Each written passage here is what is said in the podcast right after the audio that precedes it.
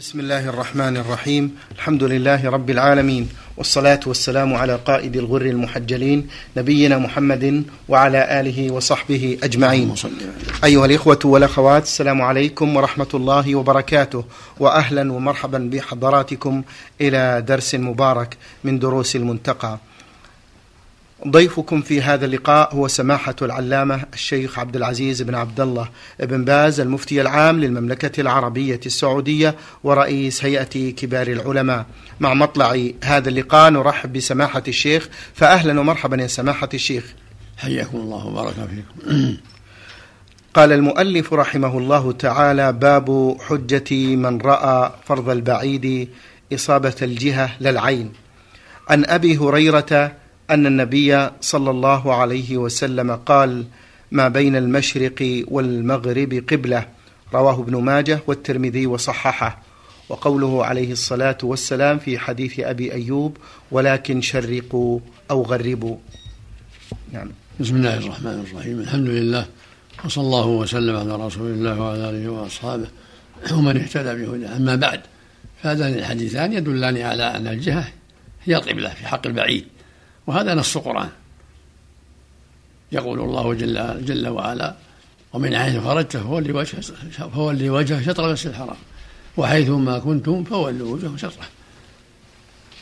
على الجميع أن يولوا وجوههم شطر المسجد الحرام. فالمشرق والمغرب والجنوب والشمال كلهم عليهم أن يستقبلوا جهة الكعبة.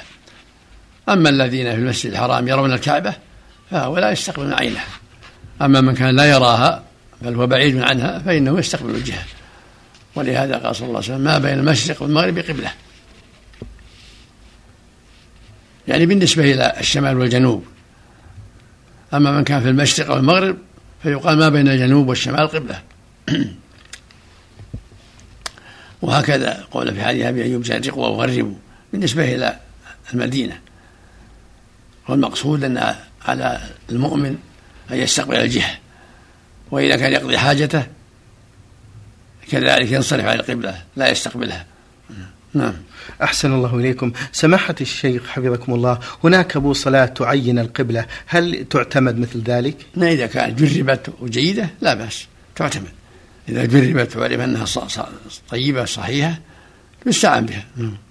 آه، يزور الإنسان قريب له أو صديق ثم يصلي عنده إلى جهة يظنها القبلة وبعد الصلاة سماحة الشيخ يتبين له أن الأمر خلاف ذلك فهل تلزمه الإعادة؟ نعم إذا كان في البلد تلزمه الإعادة لأن في إمكانه يسأل عن القبلة. لا لا يجتهد من محل اجتهاد البلدان؟ من محل اجتهاد. الاجتهاد في الصحراء والبرية والسفر. أما في البلد يسأل أهل أهل, أهل البلد عن القبلة. وينظر مساجدهم. نعم. حفظكم الله إذا كان الإنسان سماحة الشيخ يصلي النافلة على المركوب هل يجب عليه أولا الاتجاه إلى القبلة؟ إن كانت فريضة ليس له يصلي على الأرض. إذا كانت فريضة يلزمه استقبال القبلة وأن يكون على الأرض حتى يركع ويسجد. إلا إذا عجز كالمريض اللي مربوط على الدابة أو الأرض فيها سيول ما يستطيع ينزل يصلي على الدابة ويستقبل القبلة. أما إذا كان يستطيع ينزل ويصلي على الأرض ويستقبل القبلة.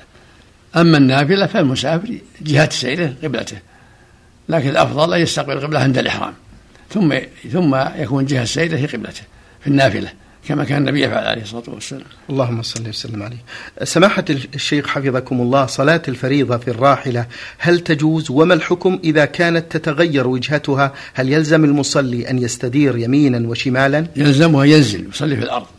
ولا يصلي على الراحلة في الفريضة ويستقبل القبلة إلا إذا عجز كالمربوط على الدابة لمرضه أو عجز عن النزول أو كالذي في برية ما يستطيع النزول للسيول التي تحته ولا يستطيع الصلاة في الأرض للسيل الذي قد غمرها فهذا يصلي على الراحلة ويقفها. يوجه إلى القبلة ويستقبل القبلة ويصلي إلى القبلة على الراحلة. حفظكم الله. سماحة الشيخ أخيرا إذا خرج الناس إلى البر وقرب البلد آه، إذا خرجوا هل يلزمون بالذهاب إلى أقرب مسجد لتحديد القبلة أم يكفي الاجتهاد؟ إذا كان المسجد قريب يأخذون القبلة من المسجد. فإن كان بعيد يجتهدون. قال المؤلف رحمه الله تعالى باب ترك القبلة لعذر الخوف. عن نافع عن ابن عمر أنه كان إذا سئل عن صلاة الخوف وصفها ثم قال فإن كان خوف هو أشد من ذلك صلوا رجالا قياما على أقدامهم وركبانا مستقبل القبلة وغير مستقبليها.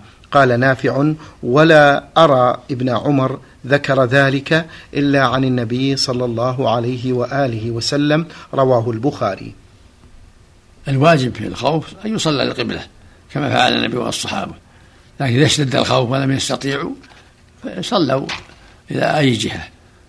لقوله جل وعلا فإن خفتم فرجالا أو ركبانا. لكن مع القدرة يلزم أن يصلوا إلى القبلة كما فعله النبي صلى الله عليه وسلم والأحزاب. حفظكم الله. قال المؤلف رحمه الله تعالى باب تطوع المسافر على مركوبه حيث توجه به.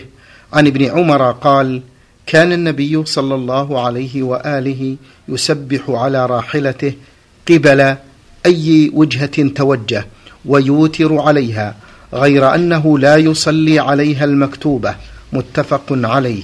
وفي رواية كان يصلي على دابته وهو مقبل من مكة إلى المدينة حيثما توجهت حيثما توجهت به وفيه نزلت فأينما تولوا فثم وجه الله. رواه أحمد ومسلم والترمذي وصححه. وعن جابر قال رأيت النبي صلى الله عليه وسلم يصلي وهو على راحلته النوافل في كل جهة ولكن يخفض السجود من الركعة ويومي إيماء رواه أحمد. وفي لفظ بعثني النبي صلى الله عليه وسلم في حاجة فجئت وهو يصلي على راحلته نحو المشرق والسجود أخفض من الركوع. رواه أبو داود والترمذي وصححه. وعن أنس بن مالك قال كان رسول الله صلى الله عليه وسلم إذا أراد أن يصلي على راحلته تطوعا استقبل القبلة فكبر للصلاة ثم خلى عن راحلته فصلى حيثما توجهت به. رواه أحمد وأبو داود. المسافر له أن يصلي إلى جهة سيره كما فعله النبي صلى الله عليه وسلم.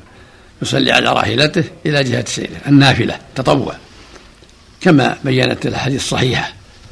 أما الفريضة لا عليه ينزل ويصلي في الأرض ويستقبل القبله أما النافلة فلا بأس كما فعله النبي صلى الله عليه وسلم. والأفضل أن يستقبل القبلة عند الإحرام لحديث أنس. ثم يخلي سبيل الناقة إلى جهة سيره جمعا بين جمعا بين الأحاديث. الاحاديث الصحيحه الكثيرة ليس فيها استقبال القبله يصلي إلى جهة سيره لكن حديث أنس ذكر أن عند الاستقبال عند الإحرام يستقبل القبله هذا أحوط وأفضل. عند الإحرام ثم يصلي إلى جهة سيده. في النافلة خاصة. على بعير أو على حمار أو على بغل أو على أي عفيل المقصود على دابته نعم. حفظكم الله. سماحة الشيخ آه، هل من السنة أن يصلي الإنسان النافلة على الراحلة أم أن الأمر للجواز؟ يصلي السنة على الراحله يغتنم الخير والفضل مثل فعل ما فعل النبي صلى الله عليه وسلم. كان يوتر على بعيره لا لا لا يترك النوافل. كذلك في الطائرة السيارة يصلي إلى جهة السير في النافلة. حفظكم الله. سماحة الشيخ متى يجوز الإيماء في الصلاة؟ نعم. الإيماء في الصلاة متى يجوز؟ عند العجز في السفر في النافلة والمريض عند العجز. إذا المريض ما يقدر يركع ولا يسجد يخفض الركوع ويخفض السجود عن الركوع. إذا كان ما يسجد الأرض يركع ويسجد لكن يكون السجود أخفض من الركوع. فإذا عجز كفت النية مع القول. مثل على جنبه ما يستطيع إلا على جنبه ينوي يكبر كبير ويقرأ ثم ينوي الركوع ويقول سبحان ربي العظيم ويكبر ثم ينوي الرفع ويقول سمع الله لمن حمده وربنا ولك الحمد إلى آخره ثم ينوي السجود ويكبر ويقول سبحان ربي الأعلى سبحان ربي الأعلى وهكذا. بالنية. بالنية والكلام عند العجز. نعم. حفظكم الله. سماحة الشيخ في نهاية هذا الباب لعلكم تبينون للسادة المستمعين شروط الصلاة إجمالا. شروط الصلاة معلومة. تسعة شروط. الإسلام والعقل والتمييز والطهارة و... وزوال النجاسة من الثوب والبدن والبقعة واستقبال القبلة والنية نية الصلاة. لابد يستوفي الشروط. التسعة كلها الإسلام الكافر ما له الصلاة والمجنون ما له الصلاة والذي التمييز ما له الصلاة والطهارة لا بد منها. لقوله صلاة تقبل صلاة بغير طهور. ولا بد أيضا من إزالة النجاسة من الثوب والبدن والبقعة. ولا بد من استقبال القبلة على الصلاة إلا في السفر في النافلة خاصة إذا صلى على دابته كما تقدم. ولا بد من النية نية الصلاة. نعم. أحسن الله إليكم. قال المؤلف رحمه الله تعالى ستر العورة كذا لا بد منه. ستر العورة ما بين السرة والركبة. في حق الرجل مع ستر العاتقين أو أحدهما. والمرأة كلها عورة إلا وجهها وكفيها. في الصلاة. أحسن الله إليكم سماحة الشيخ. قال المؤلف رحمه الله تعالى أبواب صفة الصلاة. باب افتراض افتتاحها بالتكبير. عن علي بن أبي طالب رضي الله عنه عن النبي صلى الله عليه وسلم قال مفتاح الصلاة الطهور وتحريمها التكبير وتحليلها التسليم. رواه الخمسة إلا النسائي. وقال الترمذي هذا أصح شيء في هذا الباب وأحسن. وعن مالك بن الحويرث أن النبي صلى الله عليه وآله وسلم قال صلوا كما رأيتموني أصلي رواه أحمد والبخاري. وقد صح عنه صلى الله عليه وسلم أنه كان يفتتح بالتكبير. نعم. هذا هو الواجب على المصلي أن يكون على طهارة مفتاح الطهور. تحريمها التكبير يدخل فيها بالتكبير ويخرج منها بالتسليم ويؤدي بقية الأركان كما كان النبي يصلي ويقول صلوا كما رأيتموني أصلي. والله يقول يا أيها الذين آمنوا اركعوا واسجدوا. فعلى المؤمن أن يصلي كما صلى النبي صلى الله عليه وسلم على طهارة لقوله صلى الله عليه وسلم لا تقبل صلاة بغير طهور. قول الصلاة صلى الله عليه وسلم مفتاح الصلاة الطهور. تحريمها التكبير أول تكبيرة تسمى تحريمه يدخل في الصلاة بالتكبير ثم يكملها. بالقراءة ثم الركوع ثم الرفع والاعتدال ثم السجود والطمأنينة في السجود ثم الجلوس بين السجدتين ثم السجدة الثانية لا بد من هذا. ثم آخر شيء التحيات قراءة التشهد ثم التسليم. والنبي علم المسيء في صلاته. لما رأى رجلا أساء في صلاته ولم يتم ركوعه ولا سجوده علمه قال إذا قمت بالصلاة فأسبغ الوضوء ثم استقبل القبلة فكبر ثم اقرأ ما تيسر معك من القرآن. وفي اللفظ الآخر ثم اقرأ بيوم القرآن وما شاء الله ثم اركع حتى أطمئن راكعا ثم ارفع حتى تعتدل قائما ثم اسجد حتى تطمئن ساجدا ثم ارفع حتى تطمئن جالسا ثم اسجد حتى تطمئن ساجدا ثم افعل ذلك في الصلاة كلها. هكذا يجب على المؤمن والمؤمنة. نعم.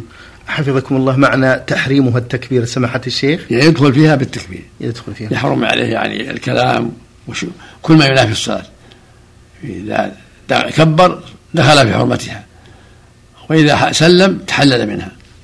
سماحة الشيخ حفظكم الله إذا أتى بصيغة غير مثلا الله أكبر هذه الجملة مثلا قال الرحمن أكبر أو قال الله أجل. ما يجزي إلا هذا الله أكبر.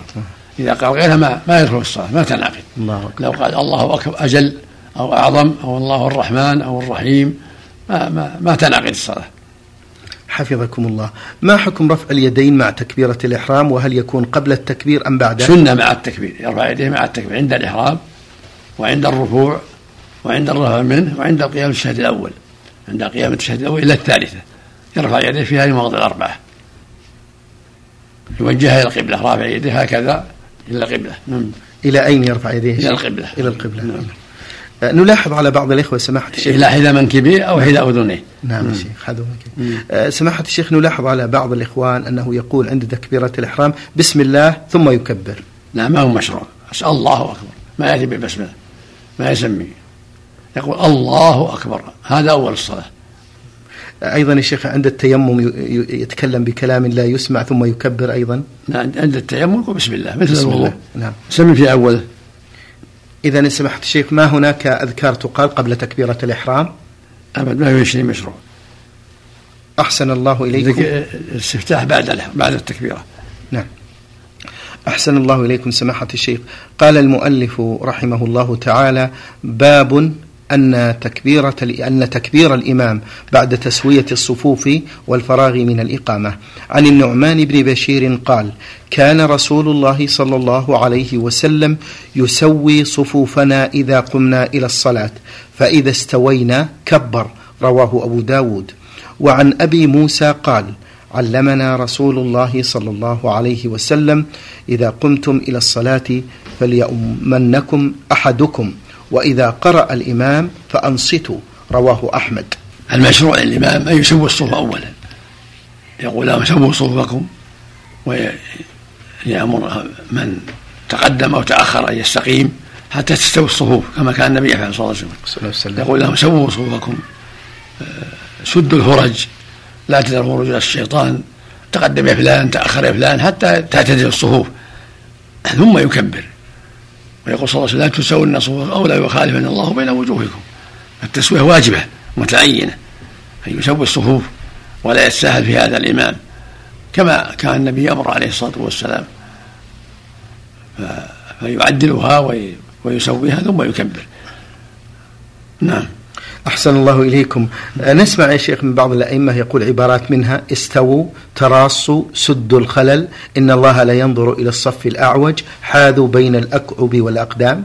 كل هذا يقول كان النبي يقوله. إلا أحاديث إن الله ينظر الصف الأعوج هذا ما ما له أصل. لا لا لا, لا نعرفه في الأحاديث شيء من هذا.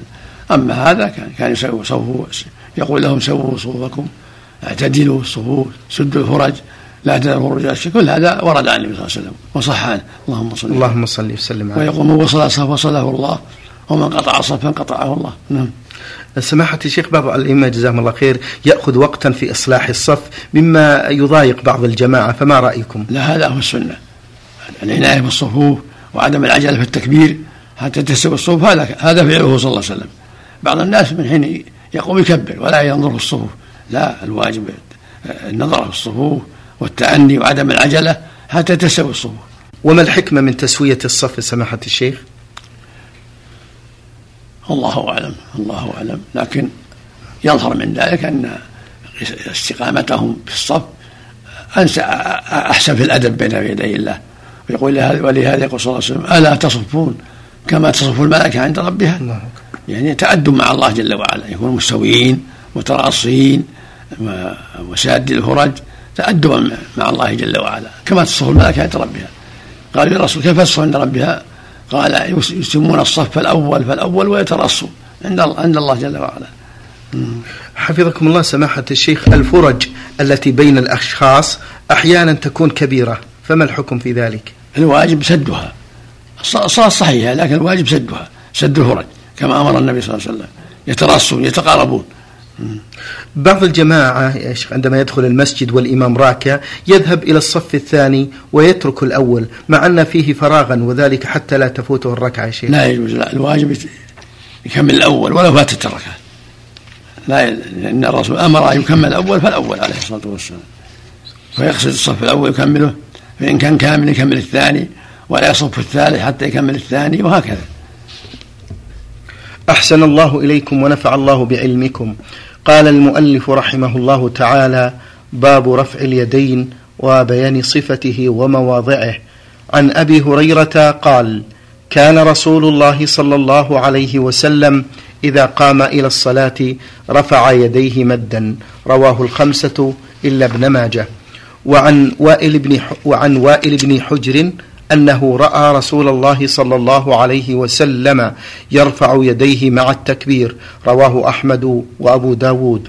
وعن ابن عمر قال كان النبي صلى الله عليه وسلم إذا قام إلى الصلاة رفع يديه حتى تكون بحذو منكبيه ثم يكبر فإذا أراد أن يركع رفعهما مثل ذلك وإذا رفع رأسه من الركوع رفعهما كذلك أيضا وقال سمع الله لمن حمده ربنا ولك الحمد متفق عليه. وللبخاري ولا يفعل ذلك حين يسجد ولا حين يرفع رأسه من السجود. ولمسلم ولا يفعله حين يرفع رأسه من السجود. وله أيضا ولا يرفعهما بين السجدتين. هذه السنة السنة للإمام والمأمومين رفع الأيدي. عند الإحرام وعند الركوع وعند الرفع منه. هذا السنة. إلى حذاء المنكبين أو إلى فروع الأذنين كما في حديث مالك بن حويرث كان يرفعهما حذاء أذنيه. وهو مخير. إن شاء رفعهما حذاء المنكبين أو حذاء الأذنين فروع الأذنين. عند الإحرام وعند الركوع وعند الرفع منه. وهناك موضوع رابع أيضا عند القيام الشهد الأول إلى الثالثة. يرفع يديه يرفع يديه كما كان النبي يفعل صلى الله عليه وسلم أما في السجود فلا يرفع نعم. ما معنى مدا؟ سماحة الشيخ؟ مدا هكذا يمد أصابعه مدا موجهة إلى القبلة مد يديه إلى القبلة إلى حذاء منكبية وحذاء فروع أذنيه ضم بعضها إلى بعض بعض الأصابع إلى بعض نعم. وعن نافع أن ابن عمر رضي الله عنهما كان إذا دخل في الصلاة كبر ورفع يديه وإذا ركع رفع يديه وإذا قال سمع الله لمن حمده رفع يديه وإذا قام من الركعتين رفع يديه. ورفع ذلك ابن عمر إلى النبي صلى الله عليه وسلم رواه البخاري والنسائي وأبو داود. وعن علي بن أبي طالب عن رسول الله صلى الله عليه وسلم أنه كان إذا قام إلى الصلاة المكتوبة كبر ورفع يديه حذو منكبيه ويصنع مثل ذلك إذا قضى إذا قضى قراءته وأراد أن يركع ويصنعه إذا رفع رأسه من الركوع ولا يرفع يديه في شيء من صلاته وهو قاعد وإذا قام من السجدتين رفع يديه كذلك وكبر رواه أحمد وأبو داود والترمذي وصححه وقد صح التكبير في المواضع الأربعة في حديث أبي حميد الساعدي وعن أبي قلابة أنه رأى مالك بن الحويرث إذا صلى كبر ورفع يديه وإذا أراد أن يركع رفع يديه وإذا رفع رأسه رفع يديه وحدث وحدث أن رسول الله صلى الله عليه وسلم صنع هكذا متفق عليه. وفي رواية أن رسول الله صلى الله عليه وسلم كان إذا كبر رفع يديه. حتى يحاذي بهما أذنيه وإذا ركع رفع يديه حتى يحاذي بهما أذنيه وإذا رفع رأسه من الركوع فقال سمع الله لمن حمده فعل مثل ذلك رواه أحمد ومسلم. وفي لفظ لهما حتى يحاذي بهما فروع أذنيه. كل هذه الأحاديث تدل على شرعية رفع اليدين عند الإحرام وعند الركوع وعند الرفع منه. وعند القيام من الشهد الأول إلى الثالثة. ويكون يرفعهما حذاء منكبيه أو حذاء أذنيه. هذا سنة وهذا سنة. يعني إن فعل هذا أو هذا كله سنة. في المواضع الأربعة. عند الإحرام مع التكبير وعند الركوع مع التكبير وعند الرفع مع التسميع وعند القيام الشهد الأول إلى الرابع إلى الثالثة. نعم. وعن أبي حميد الساعدي أنه قال وهو في عشرة من أصحاب رسول الله صلى الله عليه وسلم. أحدهم أبو قتادة بن ربعي. أنا أعلمكم بصلاة رسول الله صلى الله عليه وسلم. قالوا ما كنت أقدم منا له صحبة ولا أكثرنا له إتيانا. قال بلى. قالوا فأعرض. فأعرض. قالوا فأعرض. فقال كان رسول الله صلى الله عليه وسلم إذا قام إلى الصلاة اعتدل قائما ورفع يديه حتى يحاذي بهما منكبيه ثم يكبر فإذا أراد أن يركع رفع يديه حتى يحاذي بهما منكبيه ثم قال الله أكبر وركع ثم اعتدل فلم يصوب رأسه ولم يقنع ووضع يديه على ركبتيه ثم قال سمع الله لمن حمده. ورفع يديه واعتدل حتى يرجع كل عظم في موضعه معتدلا ثم هوى إلى الأرض ساجدا ثم قال الله أكبر. ثم ثنى رجله وقعد عليها واعتدل حتى يرجع كل عظم في موضعه ثم نهض ثم صنع في الركعة الثانية مثل ذلك حتى إذا قام من السجدتين كبر ورفع يديه حتى يحاذي بهما منكبيه. كما صنع حين افتتح الصلاة ثم صنع كذلك حتى إذا كانت الركعة التي تنقضي فيها صلاته أخر رجله اليسرى وقعد على شقه متوركا ثم سلم. قالوا صدقت هكذا صلى الله عليه وسلم هكذا صلى رسول الله صلى الله عليه وسلم. رواه الخمسة إلا النسائي وصححه الترمذي ورواه البخاري مختصرا. هذا حديث حميد يوافق الأحاديث السابقة. أبو حميد الساعد رضي الله عنه يوافق الأحاديث السابقة. في رفع اليدين عند الإحرام وعند الركوع وعند الرفع منه كل هذا موافق للأحاديث السابقة. ويكون الرفع حيال المنكبين. وفي حديث مالك بن حيال الأذنين كله سنة. وإذا ركع جعل رأسه حيال ظهره ووضع يديه على ركبتيه وأطمأن حتى يرجع كل فقار إلى مكانه. وهكذا في السجود يطمئن حتى يعود كل فقار مكانه. وهكذا بين السجدتين. وهكذا بعد الركوع يطمئن. وإذا جلس التشهد الأول جلس على رجله اليسرى ونصب اليمنى. في التشهد الأخير يجلس على مقعدته. يتورك. كل هذا هو السنة. نعم. بقي جملة من الأسئلة. نستأذنكم يا سماحة الشيخ أن نعرضها في الحلقة القادمة إن شاء الله. لا بأس. شكر الله لكم سماحة الشيخ وبارك الله فيكم وفي علمكم ونفع بكم الإسلام والمسلمين. أيها الإخوة والأخوات كان معنا في برنامج شرح كتاب المنتقى سماحة الشيخ عبد العزيز بن عبد الله بن باز المفتي العام للمملكة العربية السعودية ورئيس هيئة كبار العلماء. شكر الله لسماحة الشيخ على ما بين لنا. وفي الختام تقبلوا تحيات الزملاء من الإذاعة الخارجية فهد العثمان ومن هندسة الصوت سعد عبد العزيز خميس. والسلام عليكم ورحمة الله وبركاته.